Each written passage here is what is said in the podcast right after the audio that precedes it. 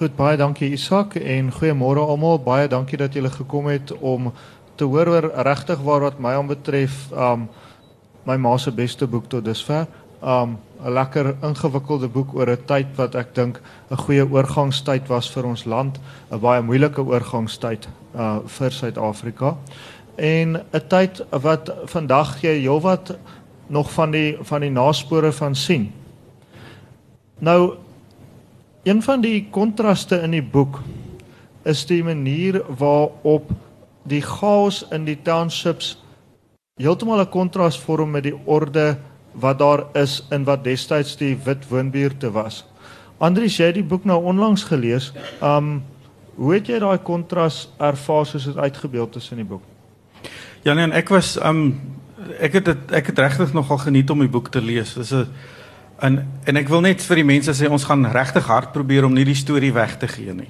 Ek dink in boekbesprekings maak mense baie keer die fout om te veel om te veel te sê.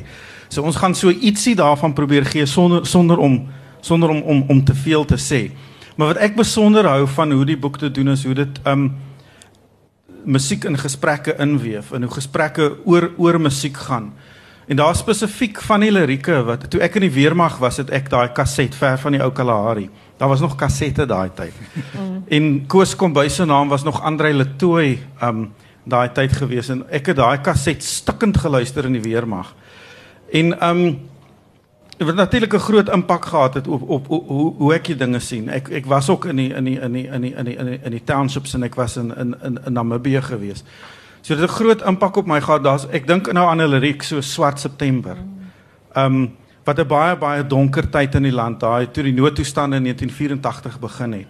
Ehm um, so daai liriek gaan daaroor en dan staan ehm um, 'n uh, kerkorrel se donker donker donker land. Die seisoene draai, die sterre brand die son word rooi, ons het beland aan die maan se se verkeerde kant.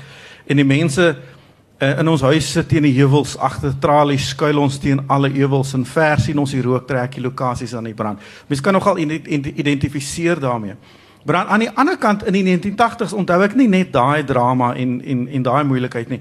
Ek ek onthou ook 'n tyd van totaal Nou ek gaan nou maar Engelse woord moet gebruik want dit sê maar mense spelle dan met 'n K in plaas van 'n C. Clueless.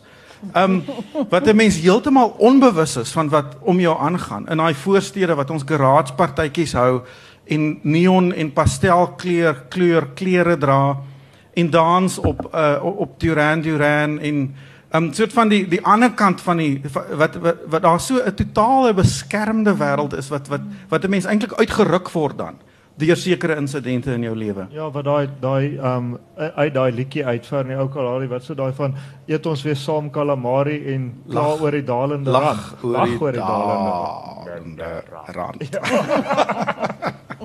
ja, dit is kos kom by se eerste. Ek dink 'n mens behoort die musiek beter te ken as mense van my geslag om regtig alles te verstaan.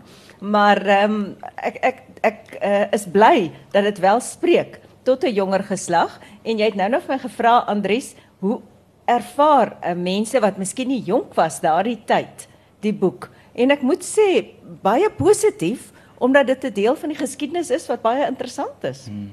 Maar dit is maar juist interessant Irma dat dat jy so met die musiek omgaan.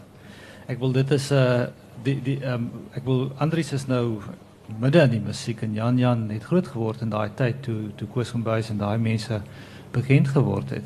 Maar ek wil jou kennis van die musiek en die manier waarop jy dit hier in die boek oordra is fenomenaal. Ehm um, ek sê my kennis van die musiek is nul. Ek was aan die musiek blootgestel gewees deur my tienerkinders wat Jan Jan was daardie tyd, nê, nee, en sy broers. Maar ehm um, dit, dit wat mense in die boek lees is maar navorsing wat ek gedoen het en Jan Jan en sy vriende wat my gehelp het. Wel, ehm um, trouens, ons is daarom ook op so 'n manier daarin blootgestel. Kyk, ons het die goed skelm geluister. Ehm um, Ek onthou die eerste keer wat ons um, ver van die ou Kalahari gekry het. Andries, jy gaan ja, jy gaan jy gaan maak dit ek goed sê wat ek nie moet nie, maar um, ek wil nie nou na al hierdie jare, jy weet, my ouer wordende moeder se se harte skok gee of enige iets nie. Maar sy was terselfdertyd een van die redes hoekom ons die goed in die eerste plek regstreeks kon sien. Nie dat sy geweet het dat sy daai rol gespeel het nie. Ja, ek het 'n voortrekkerspan gehad wat werklik waar baie baie ehm um, patrioties was en ek, was trots op hulle. Ek was ook hulle Afrikaans onderwyseres tot 'n matriek. Ek was hulle geskiedenisonderwyseres. Ek het baie kontak met die kinders gehad. Jan Jan was in die voortrekkerspan. En toe is ek baie trots op die feit dat hulle na 'n Afrikaanse musiekkonsert wil gaan. Uh, in die Methodiste saal in Durban. En dit het vir my heeltemal aanvaarbaar geklink en ek het gesê ek sal met plesier hulle met die kombi aanry. Omtrent 2 dae later lees ek toe in die koerant um, dat die metodiste glad nie beïndruk is en ek konfronteer Jan Jan met hierdie berigte in die koerant. Hy sê mamma, ons het nie gedrink nie.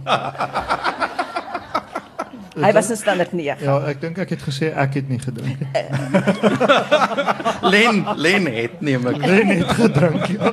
Nee, Ekskuus, um, ek en Andries um deel die, uit 'n gedeelde vriendekring van uit my vriende van skool af en uh, ja, daar was geweldige wangedrag, maar ek het besef daar sou na die tyd vrae gevra word, so ek was voorberei. Ek het ek het daarom ook die vrae min of meer reg voorspel gelukkig. Die moeilikes het nooit gekom nie.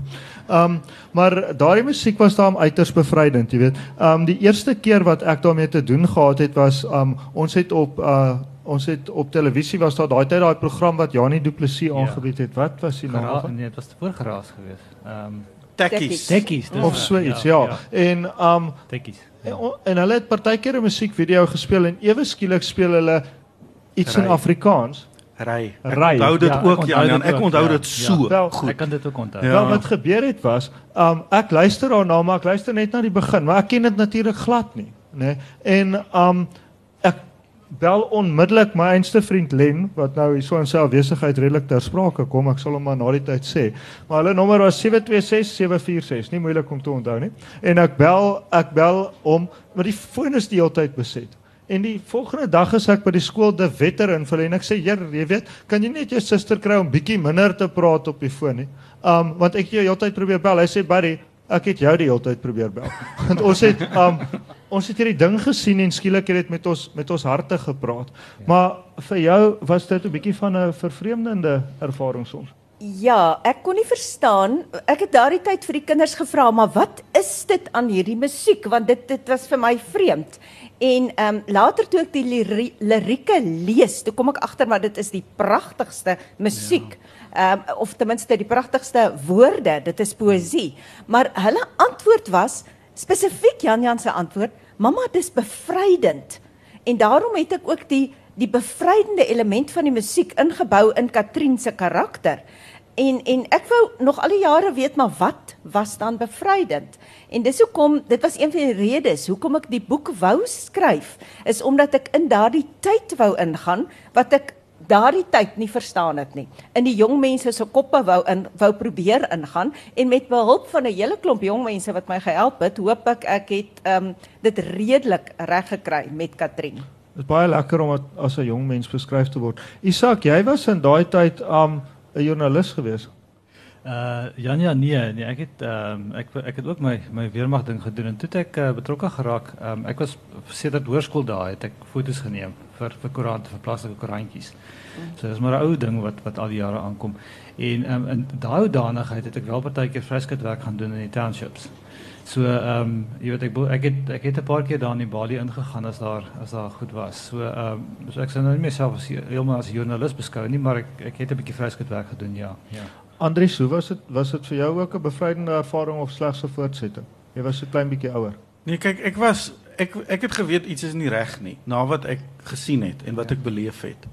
Maar ek het nie geweet watter rigting om in te gaan nie. Mens mens ek dink as 'n mens uit 'n diep Christelike huis kom en jy kom in daai in die township en jy sien wat gaan aan, dan kan jy nie help as om ontstel te wees op 'n sekere vlak nie. Omdat mense op in 'n manier in 'n plek groot geword het waar jy nie blootgestel word daaraan nie. En daai jou twee waar jou waardestelsel wat dan bots met wat werklik in die politiek aangaan, maak dat mens ek meen mense het nie iemand om mee te praat nie en en en dan kom daai musiek in die en die lirieke en jy jy besef maar daar's ander mense wat ook ongemaklik voel, wat ook dink soos ek dink. En be, behalwe vir dit, ek meen ek het goeie ek het goeie Afrikaans onderwys gehad. Um Ek ook. daar's van Wyk Lou in. Dat liefde so tot haat kon nie skif nie maar gis dat reform so kan afwas. Gonna AIDS en syfilis groei wild waar eens beloftes was, né? Dis nou Koos Kombuis Dis- die NP van Wyklou nie. Dis Koos Kombuis wat met MP van Wyklou werk. En wat en ek dink wat hulle gedoen het wat niemand anders gedoen het nie is om in die idioom van Afrikaans. Dis baie interessant die die, die hoofkarakter in die boek raak betrokke by die Black Sash. Waar sy die enigste Afrikaans sprekende mens is en sy voel amper amper vervreem van beide wie sy is en die mense saam met wie hy, sy nou moet opstaan.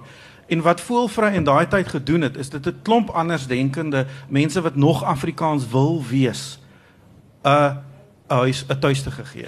Trouwens, um, daai in inwerk van die van daai uh van die Afrikaanse letterkunde en poësie binne in daai lirieke in Swart September, as ek reg onthou, um die eerste woorde en die eerste woorde van Raka is is is grootliks dieselfde, nê? Nee, die Ja. vroue wat hom die eerste gewaar het. Ja, die vrou Maar, vroue maar by ek die dink draad. kan, kan ek net sê oor die vervreemding want dis 'n dis 'n dis nou Janie wat ek nou fisies self opgetel het daarso. Ehm um, jy weet ek was Afrikaans gewees. Ek het aan die Universiteit van Natal geswat en dis in daai tyd wat ek toe nou weet gereeld in in die Bali en townships ingegaan het.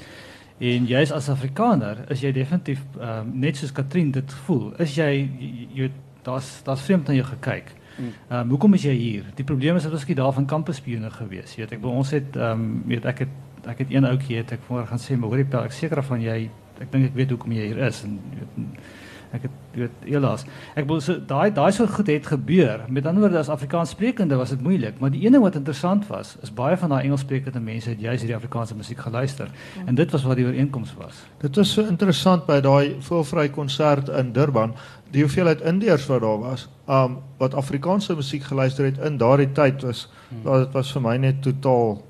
Eintlik ondenkbaar. Maar um een van die lekker dinge van die boek en hoekom ek dink die boek lekkerder is as van die van die vorige uh boeke is dat um is dat die karakter, die hoofkarakter nie heeltemal so heilsaam en rein is soos wat Gretel was en so voort nie. Jy weet heilsaamheid en reinheid het sy plek, maar interessantheid het ook, nê. So um hoe um Jesus. In elk geval, um hoe het, hoe het jy hierdie karakter gevorm wat dan nou so rebel word later?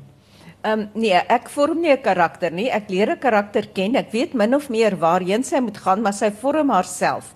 Dit het eintlik maar begin met die 76 opstande toe sy die polisie was net voor die tyd by hulle skool.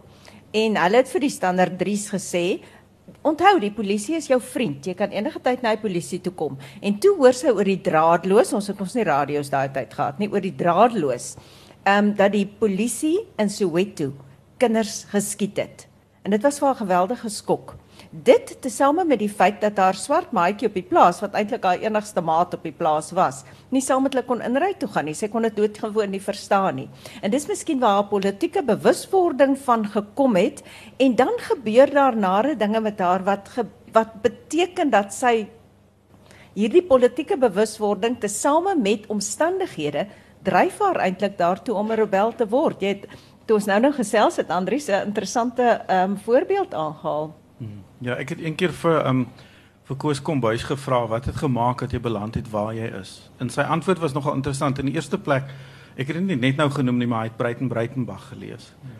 In die in die in die in die ander insident was 'n klein insident wat nie eintlik in sy hy het dit nie gesien as belangrik nie, maar hy het 'n hy het 'n vraag 'n vraag oor teologie in die kerk gevra wat die dominee kon beantwoord nie of nie wou beantwoord nie en en in plaas van om dit te beantwoord en met hom te redeneer daaroor het hy het hy basies weer eens in Engels van 'n dizzy height af op hom neergekom. Mm. En dis sulke klein insidente baie keer wat van mense aktiviste maak wat nie um wat nie vir ander mense noodwendig belangrik is nie, maar baie keer dink ek die ware aktiviste is mense wat nie kies om aktiviste te word nie, omstandighede verander hulle daarin.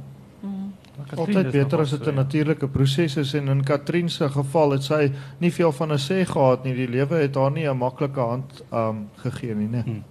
Ja, dit is waar. Weet jy Jan Jan, ek wonder of ons nie ook net moet kyk na die ander deel van die boek en dit is die Poolse deel wat vir my as liefhebber van die geskiedenis geweldig interessant is nie.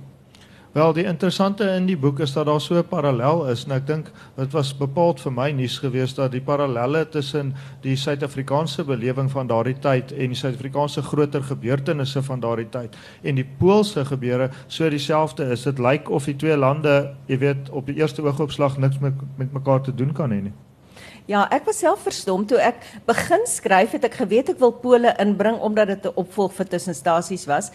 Maar toe ek gaan kyk, toe sien ek ek vir my is die begin van die val van apartheid is uh, 76 16 Junie 76. Toe ek gaan kyk in Pole, toe sien ek maar op 25 Junie 1976, dit wil sê is 9 dae later, gebeur presies dieselfde, 'n opstand van die arbeiders teen uh, voedselpryse. Dit begin as 'n vreedsame opstand, massa-hysterie tree in, waarskuwingsskote en dit eindig in 'n bloedbad. En dwarsteer kan 'n mens dan gaan die parallel tussen Suid-Afrika en Pole en dan op die ou end, selfs die einde op 9 November kondig die Oos-Duitse kanselier aan dat die grense oopgestel word en die mense begin die Berlynse muur afbreek fisies. Dit is vir my die sigbare val van kommunisme. Minder as 3 maande later stap Nelson Mandela as 'n vry man in die strate in. Dis vir my die sigbare val van apartheid. Ehm um, Andries, het jy hierdie parallelle Wat ek regtig waardeer het van die boek, um is die Gandhi figuur. En ek dink in tye van geweld wat ons op die oomblik het. Ons is nog nie uit 'n geskiedenis van geweld nie. Interessante punt is daar's meer mense in politieke geweld in die 4 jaar tussen 1990 en 1994 doodgemaak as al die jare daarvoor. Ons dink aan Marikana, ons dink aan die geweld tydens uh, diensleweringproteste, ons dink aan die afbrand van biblioteke. En ek dink ons moet onsself ook as Suid-Afrikaners nou afvra waar daai geweldskultuur vandaan kom. En ek dink wat ek van die boek hou is die feit dat dit terugkeer na Gandhi, die feit dat dit Pole as 'n as 'n teen teenpool, 'n teenpool gebruik vir Suid-Afrika. Waar Lech Walesa praat in 'n stadium en hy praat oor Gandhi. En Gandhi wat 'n figuur hier ook was en aan die begin van die verset het mense hier ook was was nie gewelddadige optrede leidelike verset was baie belangrik. En miskien het ons bietjie ons pad verloor daar en ek dink nie ons het ons pad al teruggevind na waar na 'n tipe van 'n protes wat wat aanvaarbaar is en 'n samelewing gaan verbeter eerder as aftakel nie Ja, wat vir my ook interessant was en dit het ek ook met navorsing eers uitgevind is dat daar ehm um, die uh uh, uh simbool van die Poolse revolusie was blomme. En ehm um, omdat jy basies met blomme dit nie as 'n as 'n wapen kan gebruik nie. En ehm um, toe sien ek 'n groep Koos in in julle twee ken die groep. Ek weet nie van jou nie, jy ook Isak. Ja, dit is bitter moeilik vir my om na hulle musiek te luister. Nie omdat dit nie goeie musiek is, maar ek kon regtig nie woorde hoor nie, maar in elk geval. Uiteindelik het ek die woorde ehm um, gevind. Ehm um, eintlik het Dineke Volskenk op die ount vir my die woorde gestuur. En dit gaan oor sing jy van bomme. Onthou julle daai liedjie wat ons as kinders gesing het, sing jy van blomme? Daar's weer die blomme bomme. En die hele tyd is daar so sinspeling tussen blomme en bomme. Nie net in Pole nie, maar ook in Suid-Afrika. Want in Pole het hulle fisies die die blomme gaan lê as 'n protesveldtog. Ehm um, en ja, ja. Ja, ek onthou dit op die televisiebeelde. Ja. Hoe lê die mense die blomme daar by ehm um, Gdansk by die skeepswerf daar, né? ja Ehm um, nou op die ou en dan uh ek weet ons moet nie die storie vertel nie, maar ek weet ook mense sal 'n bietjie belangstel om te weet dat daar darm ook op die menslike vlakke skakeling plaasvind tussen Pole en Suid-Afrika. Hoe dit dan nou gebeur dat 'n dat 'n Pool hoegenaamd in Suid-Afrika opeindig? Wel dit het begin in tussenstasies en tussenstasies het ehm um, Pole betrek omdat dit is waar die konsentrasiekampe was. En ehm um, dit is hoe Jakob uitgekom het Suid-Afrika toe en toe ek nou met 'n opvolg skryf, ehm um, ehm um, uh, Vladek Kowalski is Jakob se broer Stan se seun. En ehm um, toe was dit vir my logies dat hy eintlik sy oom Jakob se vurige politieke belangstelling en geaardheid gekry het en miskien ook praat sonder dat hy altyd dink. En ehm um, Ek kan nie meer die vraag onthou nie, maar in elk geval dit is ehm um, hoe Pole ingekom het. Nee, Wel, Pole het die ingekom moeilikheid want hy het op die beland, ou ja. en toe hiernatoe gevlug, ja. Ja, Ja, ja. toe hy hiernatoe gevlug omdat hulle basies ehm um, vir oom Jakob hier geken het. Hulle het reeds kontak hier gehad. Die Dit was 'n veilige- land die- en 'n ja, baie ja. anti-kommunistiese land daardie tyd. Die veiligheidspolisie het sy nommer gehad en toe het hy op 'n sokkertoer gegaan, maar lees die res. Ek gaan nie verder weggee nie. Goed. Ja. Ehm um, en ehm um, Andries, ek wil graag terugkeer eintlik na ons punt wat ons vroeër gemaak het en dit is dat dikwels die ehm um, die die saaitjie van wat word word mos maar in die verlede gesaai. En as dit so is dat die 80er jare wat seker met die uitsondering van daai oorgangstyd en daai oorgangstyd was eintlik maar meer amper dit was die drukkoker wat wat net al hoe al hoe meer gekook het. Maar eintlik lê dit maar in die 80er jare. En is nou wel soos ons tot sat wordens te hoor in die parlement 20 jaar later. Um Hoe kom mens uit hierdie geweld uit? Die mooi Jan Jan. Jy is 'n sosioloog. ek ek weet nie. Ek dink mens mens skryf gedigte en jy skryf boeke en jy praat daaroor en jy hou hou aan debat voer.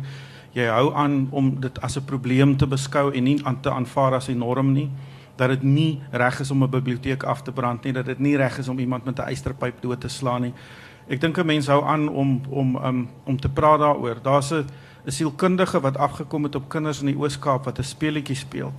'n dogters en die speletjie se naam is Necklace Necklace Um en hulle hulle speel basies die hele insident van 'n van 'n halsnoermoord uit. Nou daai kinders was nie daar toe dit gebeur het nie. En die punt is sulke trauma gaan deur generasies en 'n mens moet 'n mens moet uitwerk op 'n manier hoe daai hoe daai ding oorgedra word van generasie na generasie en iewers moet 'n mens dit breek. Miskien um ek weet nie Suid-Amerika gee my nogal hoop. Hulle het so 100 jaar voor ons uh deur deur prosesse gegaan waardeur ons nou gaan en ek dink dit vat generasies om deur sulke deur sulke goed te werk.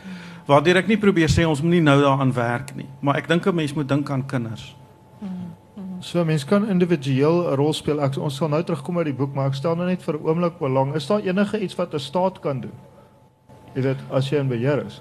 Hier skop my ou sosiale demokratiese Ek dink welsyn is baie belangrik. Ek dink die die geskiedenis van Afrikaners en die opheffing van arm blankes is 'n baie belangrike um, voorbeeld wat ek dink wat ek dink 'n mens mens mens kan gebruik. Um, ek dink nie 'n staat moet net los staan en dinge los nie. Ek dink ons staat is baie onbeholpe op die oomblik. Maar dit beteken nie daar's nie 'n rol daarvoor nie. En mense moet begin by skole, by gemeenskappe, by voeding. Um daai basiese basiese vlak wat vir mense menswaardigheid gee. Daai eerste boek, Jan Jan, jammer net gesê, die eerste boek in hierdie trilogie is eintlik Verwinkie Suiderkruis. En van die van julle wat hom nog nie gelees het nie, so ek ek is 'n bemarker, ek moet dit bemark. maar die van julle wat hom nog nie gelees het nie, dit gaan juis oor die Carnegie verslag, daai tyd van die armblanke opheffing. So die trilogie begin letterlik by die armblanke opheffing en dit is 'n ongelooflik interessante boek.